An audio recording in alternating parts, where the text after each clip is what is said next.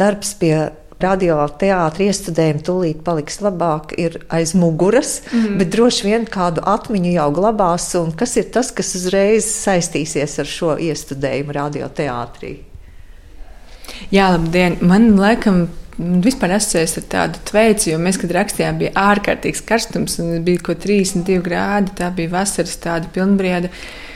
Un tas bija pat labi un atvēsinoši, tāpēc tādā nozīmē, ka gāja pretrunā ar to, kas bija saturiski. Jo saturiski mēs ierakstījām fragmentus par jauno gadu, par ziemu, par augstumu, par attiecību augstumu, par attiecību kaut kādu sāsinājumu. Un tad tajā karstajā vasarā tas ļoti arī seriāli bija kaut kā satikties tādā patīkamā atmosfērā, vienlaicīgi stāstīt arī tādas attiecības samazglotas lietas. Un tas tāds pirmā tāda lieta. Protams, tas pats darbs. Uh, Manuprāt, ir pilnīgi nepieciešams jauniešu auditorijai, tāpēc ka tāda materiāla vispār daudz nav un Latvijas literatūrā vēl mazāk. Un, uh, mēs tā arī piegājām tam ļoti atbildīgi, nesoties uz to, ka mēs visi pieauguši cilvēki, bet visiem bija tādas ļoti konkrētas asociācijas ar saviem pusauģu gadiem. Un, un jāatzīst, ka es nezinu, kāpēc, bet jauniešu vidū tiešām ir tāds daudz nepārdomātu attiecību risinājumu, kas attiecīgi laikam izriet no mūsu nespējas sarunāties ar saviem vecākiem, mūsu vecākiem sarunāties ar mums pašiem, lai iedot mums kaut kādu rokas grāmatu, lai mēs nedarītu tās muļķīgās kļūdas, kādas ir darījuši viņi paši. Bet tas nekad tā īsti nenotiek.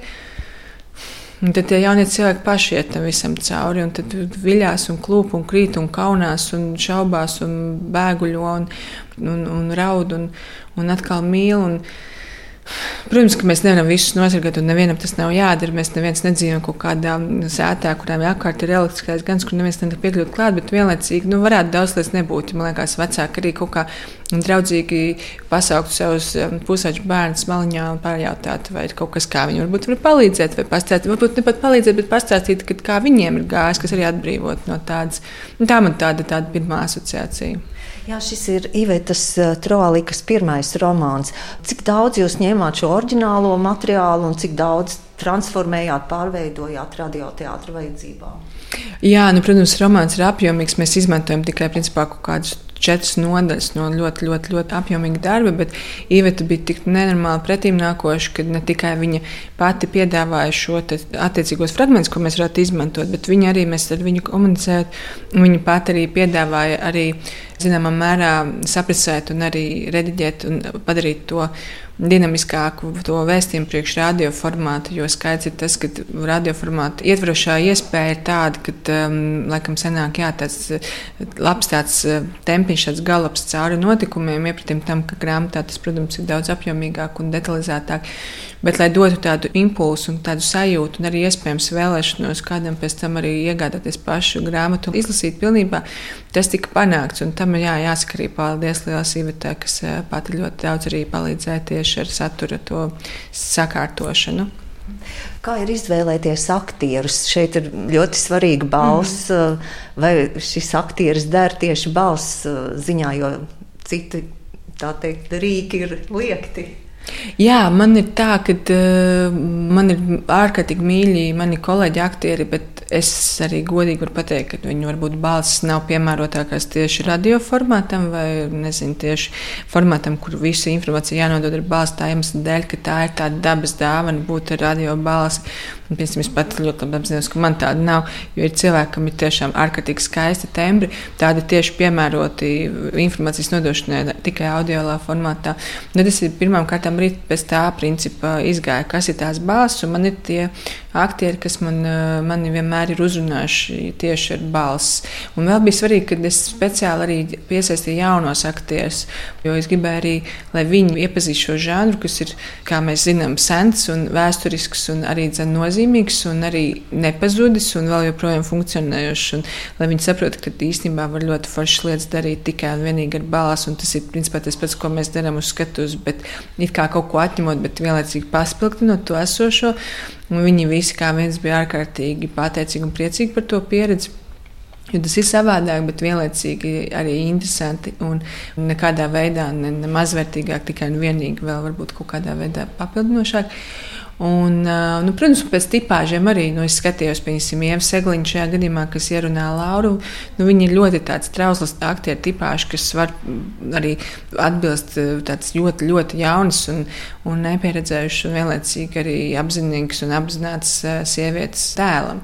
Un, um, ar māju mums bija ļoti forša sadarbība iepriekšējā radio ierakstā, kas bija Heaven's Day kur viņa mazas meitenītes balsi arī varēja ļoti labi izpaust savu vajadzību. Tagad viņai bija atkal tā Lauras iekšējā balss. Nu, tā kaut kā, nu jā, Katrīna Grīga un Klāvs Kristaps Košins bija tie jaunie pārējie. Bet, nu jā, tā bija tāda arī jauna cilvēku manifestācija, viņi paši ir arī vēl salīdzinoši nesen bijuši tik jauni, ka varēja labi atcerēties to visu. Jāsaka, tas temps ir dinamisks, un es laikam, protams, vispirmām kārtām ņemu tos māksliniekus, kam es uzticos un ar ko viņi mani pazīst un kurus es pazīstu pazīst. Tāpēc mums arī ātrāk, protams, tas darbs iet uz priekšu, ka mēs uzreiz varam iedot kaut kādus atslēgas vārdus, jo mēs esam pazīstami un viņi zina, ko es ar to domāju. Mēs ātrāk ejam uz priekšu, iepratim tam es ņemtu svešus aktierus, kas arī varētu absolūti atbilst tām vajadzībām. Vienkārši man nebija tik daudz laika tādā ziņā.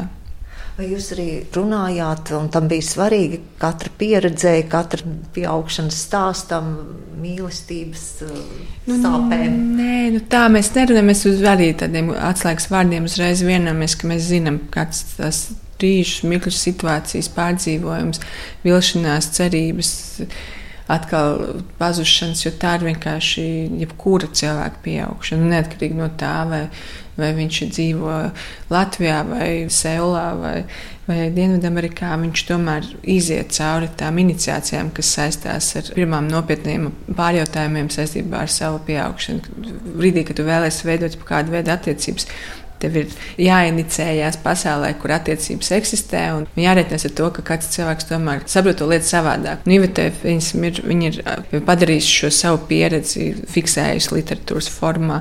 Jā, protams, es pieņemu, ka es neesmu protams, ar viņu tik personiski runājis, lai mēs ar Ivetu sazinājāmies, bet es neprasīju, ka tieši kas ir autobiogrāfisks no tavas dzīves, vai tā, bet skaidrs, ka viņi tās situācijas pazīst. Un kas ir vēl būtiski, tā, kas man liekas ļoti simpātiski, tā grāmata ietver šo 90. gadu portretējumu Rīgas portretējumu, kur tiešām arī tas ir mans pieaugšanas laiks, jo arī es 90. gados biju pusaudzis, un es arī 90. gados piedzīvoju, ko nozīmē sistēmas maiņa un tas viss apjukums un, un tavu pieaugšana ar to visu sakrīt. Un katrai paudzei bija savi izaicinājumi tajā periodā, bet manai paudzei izaicinājums bija atkal savukārt uzzinot tajā trakajā pusauģa vecumā, ka pēkšņi tiešām ir vēl visāds rietumu ietekmes un, un ir mūzika no turienes un ir, ir apģērbs no turienes un ir mantas no turienes turienes, kas tev vēl nav, bet tu viņus gribi iegūt, jo tajā brīdī tas ir vēl būtiskāk nekā jebkurā citā vecumā manifestēt savu personību ar šiem arī ārējiem attribūtiem un piederēt kaut kādai rietumu subkultūrai, klausoties atsevišķu mūziku, ko vienlaicīgi ir šausmīgi arī nabadzība un vēl nespēja tam visam tikt līdzi. Un tā Rīga, kas mostās un ir fantastisks ainas tur no vecrīgas vai no izbraukuma vai kur, bet vienlaicīgi tas ir viss vēl tāds bišķiņu postpadomi tādā arī ēnā. Un, nu, tās ir tādas man tā, tas materiāls arī tā ļoti personiski norizināja, jo es esmu tā pati, principā, paudze, un, un arī ļoti, ļoti labi atceros visas references par, gan par mūziku, gan telpu, gan, gan apģērbu, gan tā tālāk, tā tālāk. Īstenībā tagad līdzīgi kā Anna Sauziņas mājoklī, kur arī tur tik ļoti daudz tiek portretēta Rīga, ka visam es esmu gājis cauri, jo es esmu pilnīgs Rīgas cilvēks, un arī atceros pirmās drogas, pirmo to, pirmo šito nenormālu foršu.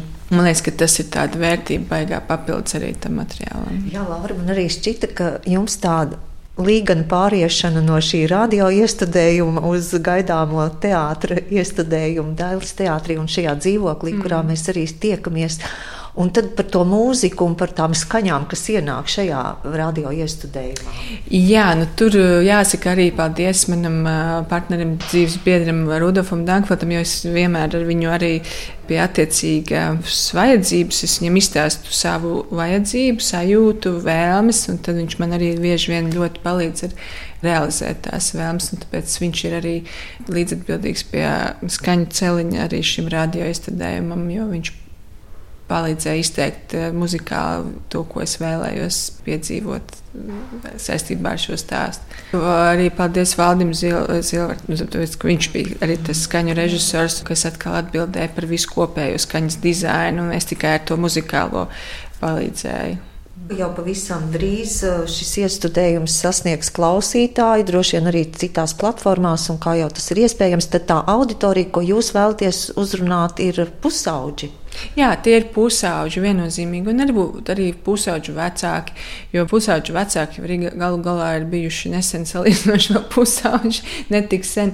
Nu, tā man liekas, tā pamata. Un arī īstenībā nu, es neesmu ne pusaudzis, ne pusauģis vecāks, bet man bija šausmīgi interesanti atgriezties un papeldēt tajās salīdzinoši izmetumā vēl nesenās. Nu, teiksim, kā, nu, nesens man tas bija 20 gadus atpakaļ, bet vienlaicīgi tāpatās tas ir tomēr nesen, ka tu tā, ah, jā, pareizi Rīgā tas un Rīgā šis un grupa Nirvana un tad tur tas un ādas mēteļi un gari mati un sasals sniegs, kurā krīt un jaunais gads un viss, viss tas tā kā baigi, baigi atnāca atpakaļ. Nu, tā tad, tāpēc, kad es saku, tas ir tik tuvu, tā ir labi, pat ja tu neesi no Rīgas, bet tu esi tomēr tā ir, tā ir Latvija. Tas nav iztēloties varbūt kaut kādu Amerikas jauniešu situāciju, bet tā ir tē patās un tas ir Man liekas, to jau tiešām pat tie, kas nav to piedzīvojuši, piedzīvojuši arī sevis, tāpēc, ka liekas, tā globāli jau laikam tomēr nekas arī tajās jauniešu attiecībās tomēr nemainās. Viņi jau tāpat iziet visiem tiem trakumiem cauri visās paudzēs tiem pašiem. Nu, radioteātris ir kļuvis jau par jūsu žanru.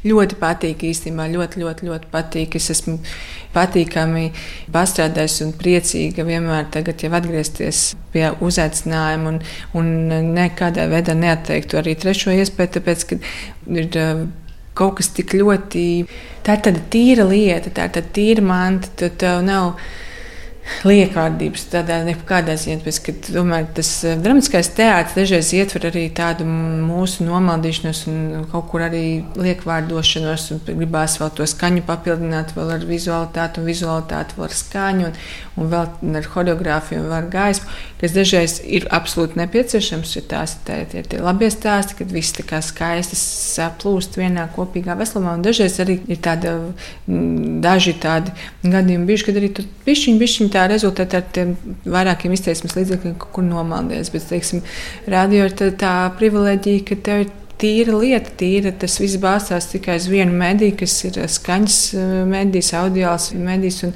un ietver to. Pilnīgi nepastarpināt to. Tāpēc man liekas, ka tas ir kaut kas tāds, kas man liekas, ir nemirstīgs un pelnījis um, gan turpināt pats dzīvot, gan arī es esmu pelnījis ar to sadikties, jo man tiešām ļoti patīk.